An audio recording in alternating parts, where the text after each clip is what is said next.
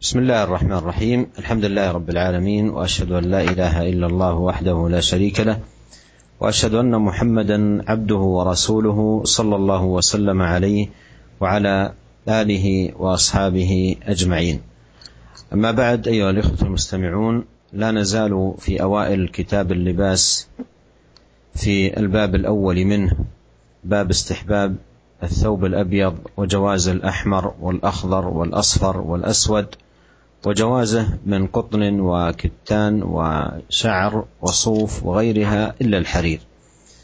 وصدر المؤلف رحمه الله هذا الباب بآيتين من القرآن الكريم سبق الحديث عنهما في الحلقة الماضية. أورد رحمه الله تعالى بعد ذلك حديث ابن عباس رضي الله عنهما أن رسول الله صلى الله عليه وسلم قال البسوا من ثيابكم البياض فإنها من خير ثيابكم وكفنوا فيها موتاكم. رواه أبو داود والترمذي وقال حديث حسن صحيح. وعن سمرة رضي الله عنه قال قال رسول الله صلى الله عليه وسلم البسوا البياض فإنها أطهر وأطيب وكفنوا فيها موتاكم. رواه النسائي والحاكم وقال حديث صحيح. وهذان الحديثان أيها الإخوة المستمعون الكرام فيها حث النبي صلى الله عليه وسلم وترغيبه في لبس البياض وأنها من خير ثيابنا أي أفضلها وأحسنها وأنها أطهر وأطيب أي أن الثياب البيض ذات اللون الأبيض. أطيب من حيث آه، مظهرها وشكلها على آه، الإنسان وأطهر لأن أي آه، أثر يظهر عليها بخلاف الألوان الأخرى. فهي أطهر لأن الوسخ أو القذر أو يظهر عليها ف يعالجه أو يزيله أو ينقيه صاحبه من آه، الدنس الذي اصابه فهذا فيه حث على البياض وانها من خير ثيابنا وانها اطهر واطيب نعم بسم الله الرحمن الرحيم الحمد لله segala puji bagi Allah swt Rabb semesta alam aku bersaksi bahasanya tidak ada sesembahan yang berat disembah kecuali Allah tidak ada sekutu baginya dan aku bersaksi bahasanya Muhammad adalah hamba dan juga utusannya. Salawat dan salam semoga senantiasa Allah SWT limpahkan kepada beliau dan juga keluarga beliau, para sahabat beliau, dan orang-orang yang mengikuti mereka sampai akhir zaman. Hadirin yang dimuliakan oleh Allah SWT, para pendengar Radio Roja yang dimuliakan oleh Allah, masih kita sampai kepada awal dari kitab Al-Libas yaitu kitab yang berhubungan dengan pakaian pada bab yang pertama yang berjudul disunahkannya memakai pakaian yang putih dan bolehnya memakai pakaian yang berwarna merah, hijau, kuning, hitam dan juga bolehnya memakai pakaian dari kapas ataupun dari pohon rami atau dari bulu maupun dari wal dan yang selainnya kecuali dari sutra. Dan muallif pengarang dalam hal ini telah memulai bab ini dengan menyebutkan dua ayat dan sudah berlalu penjelasan tentang dua ayat ini. Kemudian beliau menyebutkan hadis yang pertama yaitu hadis Ibnu Abbas radhiyallahu anhu. Semoga Allah meridai keduanya bahwasanya Rasulullah SAW bersabda yang artinya hendaklah kalian memakai pakaian yang berwarna putih karena sesungguhnya ini adalah sebaik-baik pakaian kalian dan hendaklah kalian mengkafani dengannya orang-orang yang meninggal di antara kalian. Hadis ini diriwayatkan oleh Abu Dawud dan juga Tirmidzi dan beliau mengatakan hadithun hasanun sahih hadis ini adalah hadis yang hasan sahih. Kemudian hadis yang kedua dari Samurah radhiyallahu anhu beliau berkata Rasulullah SAW bersabda, Ilbasu al-bayat, fa innaha atharu wa atiyab. Beliau mengatakan, hendaklah kalian memakai pakaian yang berwarna putih. Karena sesungguhnya pakaian yang berwarna putih itu lebih bersih dan juga lebih bagus. Wa kaffinu fiha mautakum dan hendaklah kalian mengkafani dengan kain berwarna putih tersebut orang-orang yang meninggal di antara kalian. Hadis ini diwatkan oleh Nasai dan juga Hakim dan beliau mengatakan hadithun hasanun sahih. Di dalam kedua hadis ini yaitu hadis Ibnu, Ibnu Abbas radhiyallahu anhu dan juga hadis Samurah radhiyallahu anhu Rasulullah SAW menganjurkan dan mendorong kita semua untuk memakai pakaian yang berwarna putih. Dan bahwasanya pakaian yang berwarna putih adalah sebaik-baik pakaian kita. Dan beliau mengabarkan bahwasanya pakaian yang berwarna putih ini memiliki dua kelebihan. Yang pertama adalah athar, yaitu lebih suci, lebih bersih. Kemudian yang kedua adalah atiyab, lebih baik, lebih bagus.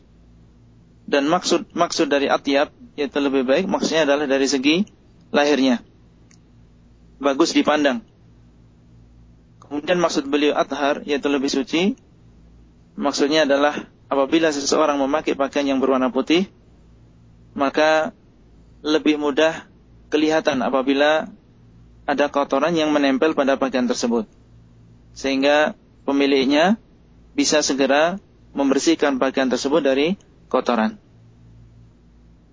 ثم أورد رحمه الله تعالى حديث البراء رضي الله عنه قال كان رسول الله صلى الله عليه وسلم مربوعا ولقد رأيته في حلة حمراء ما رأيت شيئا قط أحسن منه متفق عليه وقوله في هذا الحديث مربوعا المراد بالمربوع أي صفة النبي صلى الله عليه وسلم من حيث الطول. والرجل المربوع هو متوسط يعني ليس بالطويل البائن ولا القصير وإنما كان مربوعا أي متوسط القامة وإلى الطول أقرب فليس بالطويل البائن أي شديد الطول ولا أيضا بالقصير وإنما كان متوسطا وهو إلى الطول أقرب. وقوله في حلة حمراء وهذا هو موضع آه، الشاهد أي عليه صلى الله عليه وسلم حلة حمراء. والحلة لا تسمى بهذا الاسم إلا إذا كانت مكونة من قطعتين. حلة أي حلة آه، إحداهما مع الأخرى وهي الإزار والرداء. الإزار في أسفل البدن والرداء على أعلاه. فيحل الرداء على الإزار ولهذا تسمى حلة. فالحلة هي ما ما كان من الثياب مكون مكونا من قطعتين. وقوله حمراء ليس المراد بحمراء أي الحمار البحت الحمار الخالص. لأن الحمار الخالص منهي عنه أشد النهي. والحديث في صحيح البخاري نهى النبي صلى الله عليه وسلم عن المياثر الحمر. فالأحمر الخالص الأحمر البحت هذا منهي عنه. لكن قوله هنا حلة حمراء المراد بالحلة الحمراء هنا بردان يمانيان منسوجان بخطوط حمر مع الأسود. ليس أحمر خالص وإنما أحمر مع خطوط سوداء كسائر البرود اليمانية وهي تعرف بهذا الاسم الحمراء لكون اللون الأحمر موجود فيها لا أنها آه، كلها من اللون الأحمر لأن الأحمر الخالص الصرف هذا جاء النهي آه، عنه وصح النهي عنه عن نبينا الكريم صلى الله عليه وسلم.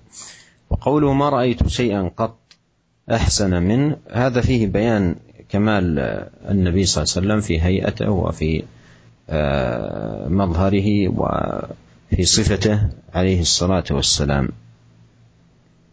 Kemudian hadis yang selanjutnya adalah hadis Al-Bara radhiyallahu anhu beliau mengatakan karena Rasulullah SAW marbu'an walaqad ra'aituhu fi hullatin hamra ma ra'aitu syai'an qad ahsana min beliau mengatakan dahulu Rasulullah SAW adalah orang yang sedang artinya tidak terlalu tinggi dan dan juga bukan orang yang terlalu pendek.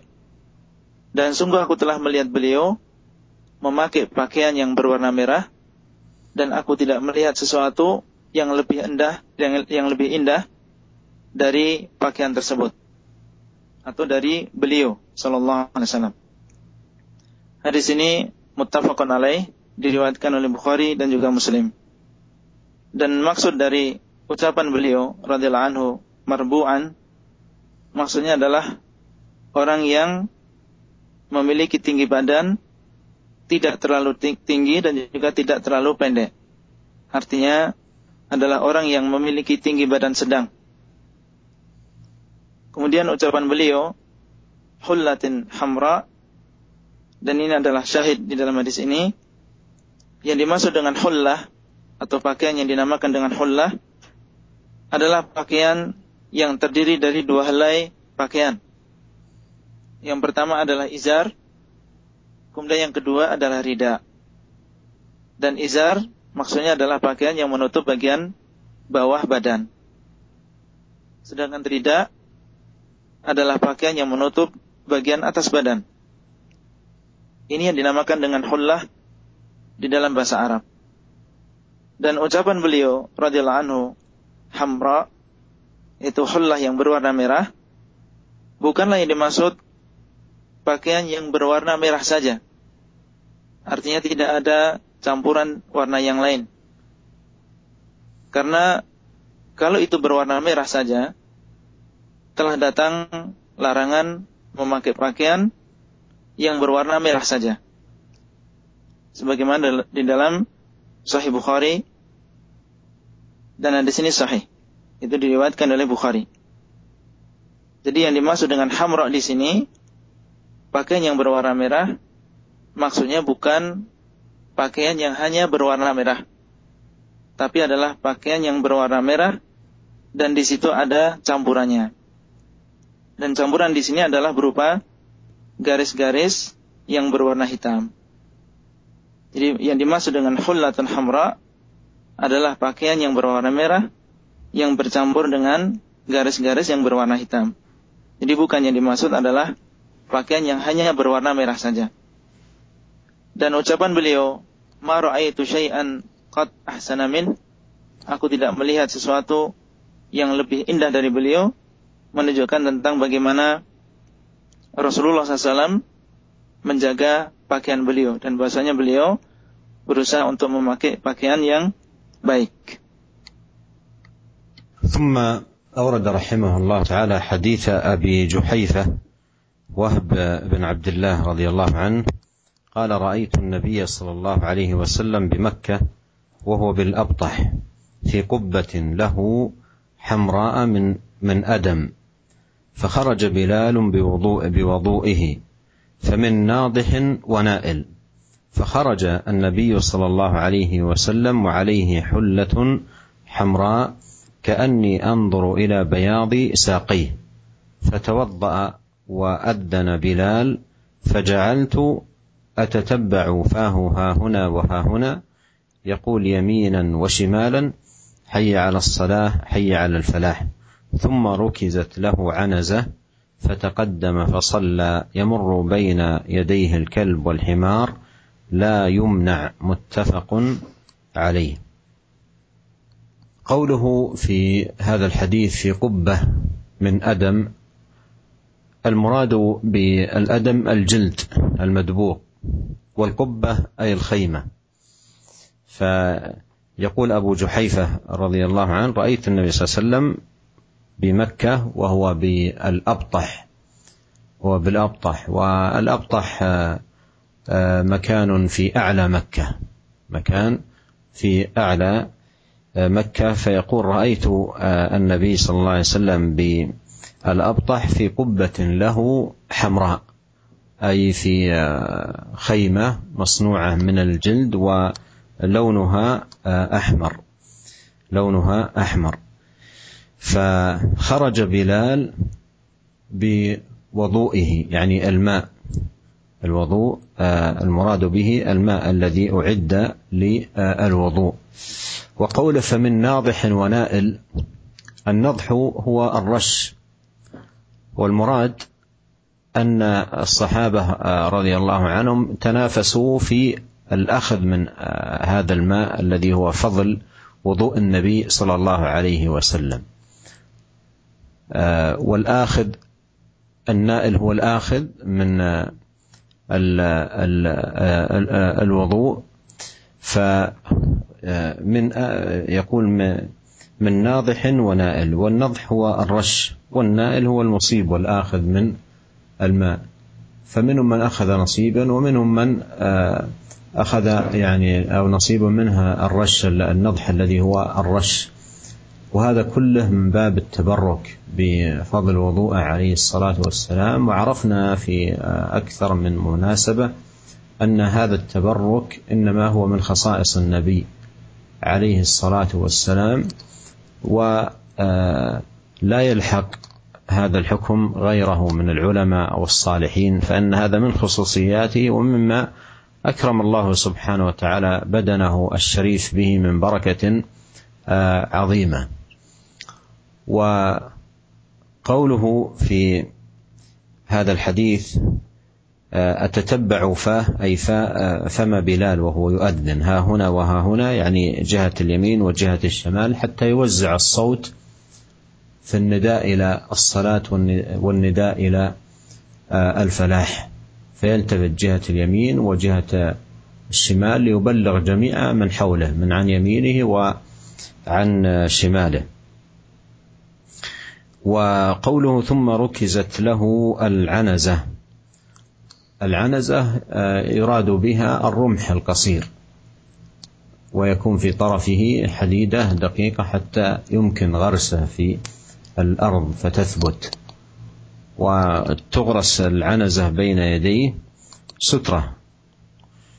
فتقدم فصلى أي إماما بهم عليه الصلاة والسلام فيمر بين يديه الكلب والحمار لا يمنع أي تمر هذه الأشياء من وراء العنزة التي هي آه، سترة للنبي عليه الصلاة والسلام. والشاهد أيها الإخوة المستمعون الكرام من هذا الحديث للترجمة قوله وعليه حلة حمراء وعرفنا أن المراد بالحلة الحمراء أي آه، إزار ورداء لأن الحلة لا تكون إلا من قطعتين وأن المراد بقوله حمراء ليس الحمار الخالص وإنما حمار آه، معه لون آخر وهو السواد. كما عرفنا أن المراد بذلك البرود اليمانية التي آه، تصنع من اللونين الأحمر والأسود ويطلق عليها الحمر لوجود اللون الأحمر في هذه البرود لا أنها آه، لونها آه، هو الأحمر الخالص. وعرفنا أن الأحمر الخالص جاء النهي عنه آه، عن نبينا الكريم صلى الله عليه وسلم. Hadis yang selanjutnya adalah hadis Abi Juhaifah Wahab ibn Abdullah radhiyallahu anhu. Beliau mengatakan aku melihat Nabi SAW di Mekah dan beliau berada di Al-Abtah di dalam sebuah kemah dan beliau memakai pakaian sebuah kemah yang berwarna merah yang terbuat dari kulit. Fakharaja Bilal biwadu'ihi. Maka Bilal pun keluar dengan air wudhu Nabi Shallallahu Alaihi Wasallam. Kemudian ada di antara para sahabat yang membasuh dengan bekas air wudhu Nabi SAW tersebut dan juga ada di antara mereka yang mengambilnya. Kemudian Nabi SAW keluar dari kemah beliau dan beliau memakai hullah pakaian yang berwarna merah seakan-akan aku melihat warna putih dari dua betis beliau. Kemudian beliau berwudu dan Bilal pun mengumandangkan azan dan aku mengikuti gerakan mulut dari Bilal yang bergerak ke sini dan ke sana, ke kanan dan ke kiri, sambil mengucapkan hayya ala salah, hayya ala falah. Kemudian ditancapkan bagi beliau sebuah tombak, kemudian beliau maju ke depan dan sholat dan anjing-anjing serta keledai melewati depan beliau. Maksudnya adalah depan dari tombak yang telah ditancapkan di depan beliau. La yumna tidak dilarang. Hadis ini diriwayatkan oleh Bukhari dan juga Muslim. Yang dimaksud dengan kubah yang tersebut dalam hadis ini adalah khaymah, yaitu kemah. Dan ini dimaksud dengan Adam adalah kulit yang sudah disamak. Jadi beliau SAW berada di dalam sebuah kemah yang berwarna merah yang terbuat dari kulit yang sudah disamak. Dan yang dimaksud dengan Al-Abtah adalah sebuah tempat yang ada di Mekah. Dan ucapan Wahab di sini fi maksudnya adalah dengan air wudhu beliau sallallahu alaihi wasallam. Bilal keluar dengan membawa air wudhu Nabi SAW. Kemudian ada di antara para sahabat yang mereka membasuh dengan air tersebut dan ada di antara mereka yang mengambilnya.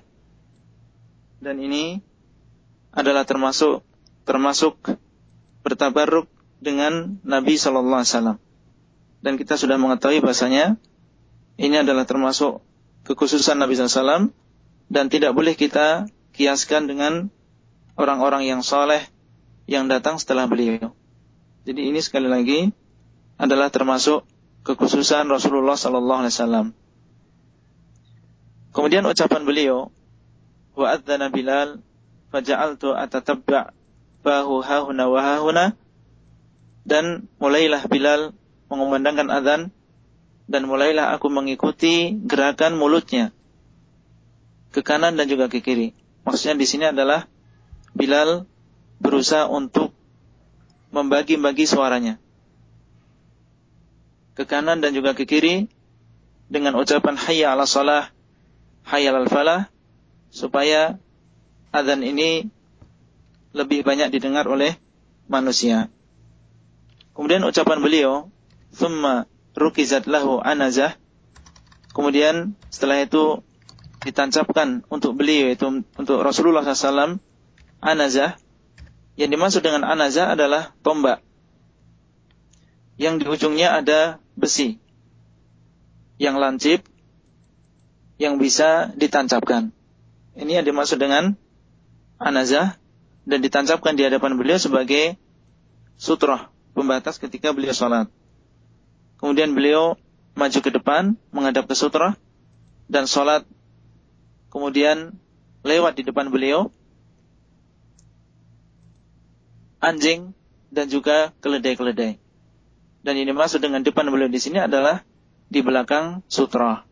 La yumna tidak dilarang.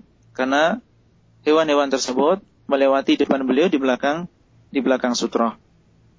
Uh, syahid dari hadis ini ucapan seorang sahabi wa alaihi hullatun hamra. Beliau memakai hullah yang hamra. Tadi sudah kita sebutkan bahwasanya makna hullah adalah pakaian yang terdiri dari dua helai. Yaitu rida dan juga bagian bawah yaitu izar. Ini yang dimaksud dengan hullah. Dan makna dari hamra yang berwarna merah, merah maksudnya bukan warna merah saja. Tapi yang dimaksud adalah warna merah yang bercampur dengan warna yang lain. Ini yang dimaksud di dalam hadis ini. Adapun warna yang e, pakaian yang berwarna merah saja, maka tadi sudah kita sebutkan bahwasanya ini dilarang oleh Rasulullah sallallahu alaihi wasallam. ثم أورد رحمه الله تعالى حديث آه، أبي رمثة رفاعة التميمي رضي الله عنه قال رأيت رسول الله صلى الله عليه وسلم وعليه ثوبان أخضران. رواه أبو داود والترمذي بإسناد صحيح. وقوله آه، ثوبان آه، أخضران أي آه، لونهما هو الخضرة. والمراد بالخضرة هنا ليست الخضرة الخالصة وإنما هي خضرة معها خطوط من ألوان أخرى. ويوضح ذلك أن حديث أبي رمثة جاء في بعض المصادر كالأدب المفرد وغيره بلفظ بردان أخضران. والبرود إنما تكون مخططة لا تكون من لون واحد وإنما تكون مخططة ولهذا يطلق عليها البرود. فهذا يفيد والله تعالى أعلم أن الخضار أو الخضرة ليست خالصة وإنما خضرة معها خطوط من ألوان أخرى مثل أن يكون أخضر وأسود مثل ما مر معنا في البرود الحمر آه، في آه، قوله حلة حمراء ليس أن المراد بحمراء خالصة وإنما المراد بها حمراء ومعها خطوط سود والله أعلم Hadis yang selanjutnya adalah hadis Abi Rimthah Rifa'ah At-Taimi radhiyallahu anhu. Beliau berkata, aku melihat Rasulullah SAW beliau memakai pakaian atau dua pakaian yang berwarna hijau. Hadis ini diriwayatkan oleh Abu Dawud, Tirmidzi dengan sanad yang sahih. Yang dimaksud dengan warna hijau di dalam hadis ini bukan warna hijau yang hanya hijau saja. Tetapi maksudnya adalah warna hijau yang campur dengan warna yang lain dan maksudnya di sini adalah warna hijau yang bergaris. Ini ditunjukkan di, di dalam riwayat yang lain di dalam Adabul Mufrad disebutkan di situ burdani akhdaran. Burdani akhdaran. Yaitu yang dimaksud dengan burdan ini adalah pakaian yang bergaris. Ini masuk dengan burdan atau burut ini adalah pakaian yang bergaris. Jadi maksud dalam hadis ini yaitu thawbani akhdaran, dua pakaian yang berwarna hijau adalah bukan maksudnya adalah hijau saja, akan tapi adalah hijau yang bergaris Hijau yang bergaris, bisa bergaris dengan warna hitam atau dengan warna yang lain. ثم أورد رحمه الله تعالى حديث جابر ان رسول الله صلى الله عليه وسلم دخل يوم فتح مكه وعليه عمامه سوداء رواه مسلم وقد جاء في بعض الاحاديث أنه دخل مكة وعلى رأسه المغفر. والمغفر ستر للرأس يستعمل في الحروب والقتال لوقاية الرأس من النبل ونحوه. وفي هذا الحديث قال على رأسه عمامة سوداء ولا تنافي بينهما. الاحتمال أن يكون قد لبس المغفر لحماية الرأس ومن فوقه العمامة. ويحتمل أيضا أن يكون المغفر كان في أول الأمر أول الدخول ثم لما استتبت الأمور نزع المغفر ولبس العمامة. وكانت العمامة ذات لون أسود. وقد ذكر العلماء رحمهم الله أن النبي صلى الله عليه وسلم لم يتخذ العمامة السوداء لباسا راتبا يعني بمعنى أنه يواظب عليه ويلبسه باستمرار هذا لم يحصل. بل لبسها ولبس أيضا غيرها صلوات الله وسلامه عليه.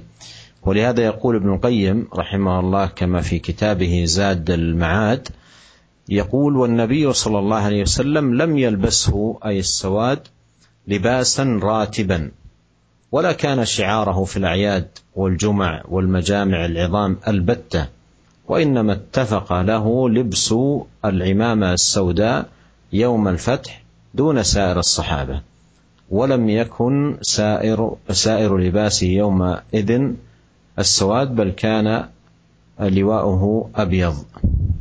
انتهى كلام ابن القيم رحمه الله. Kemudian ada yang selanjutnya. Pendengar rajin dirahmati Allah Subhanahu wa taala sebelum kita simak terjemahan kami informasikan sudah masuk waktu azan untuk wilayah Jakarta dan sekitarnya dan kami mengucapkan selamat berbuka puasa dan kita simak kembali terjemahan yang akan disampaikan oleh Al Ustaz Abdul Harai. Silakan Ustaz. Nah, hadis yang selanjutnya adalah hadis Abu Sa'id Amr bin Huraith radhiyallahu anhu. Beliau mengatakan, sungguh aku seakan-akan melihat uh, Rasulullah SAW aku melihat Rasulullah SAW dan beliau memakai sorban yang berwarna hitam dan telah menjulurkan kedua ujungnya di atas kedua bahu beliau. Hadis ini diriwayatkan oleh Imam Muslim dan di dalam riwayat yang lain bahwasanya beliau SAW memasuki kota Mekah dan beliau memakai pakaian dari besi di kepala beliau. Dan ini tidak ada pertentangan di antara dua hadis ini. Jadi hadis uh, uh, kemungkinan beliau SAW pertama kali masuk ke kota Mekah memakai uh, penutup kepala dari besi. Kemudian setelah uh, beliau melihat keadaan aman, baru kemudian beliau memakai sorban yang berwarna hitam. Atau kemungkinan yang lain, beliau memakai uh, penutup kepala dari besi, kemudian di atasnya beliau memakai sorban yang berwarna hitam. Dan ucapan beliau, imamatun sauda, surban yang berwarna hitam, uh, bukan maksudnya ini adalah syiar. Ya, dan bahwasanya beliau memiliki pakaian khusus yang senantiasa beliau uh, gunakan di dalam keadaan keadaan-keadaan tertentu atau munasabah munasabah tertentu tidak.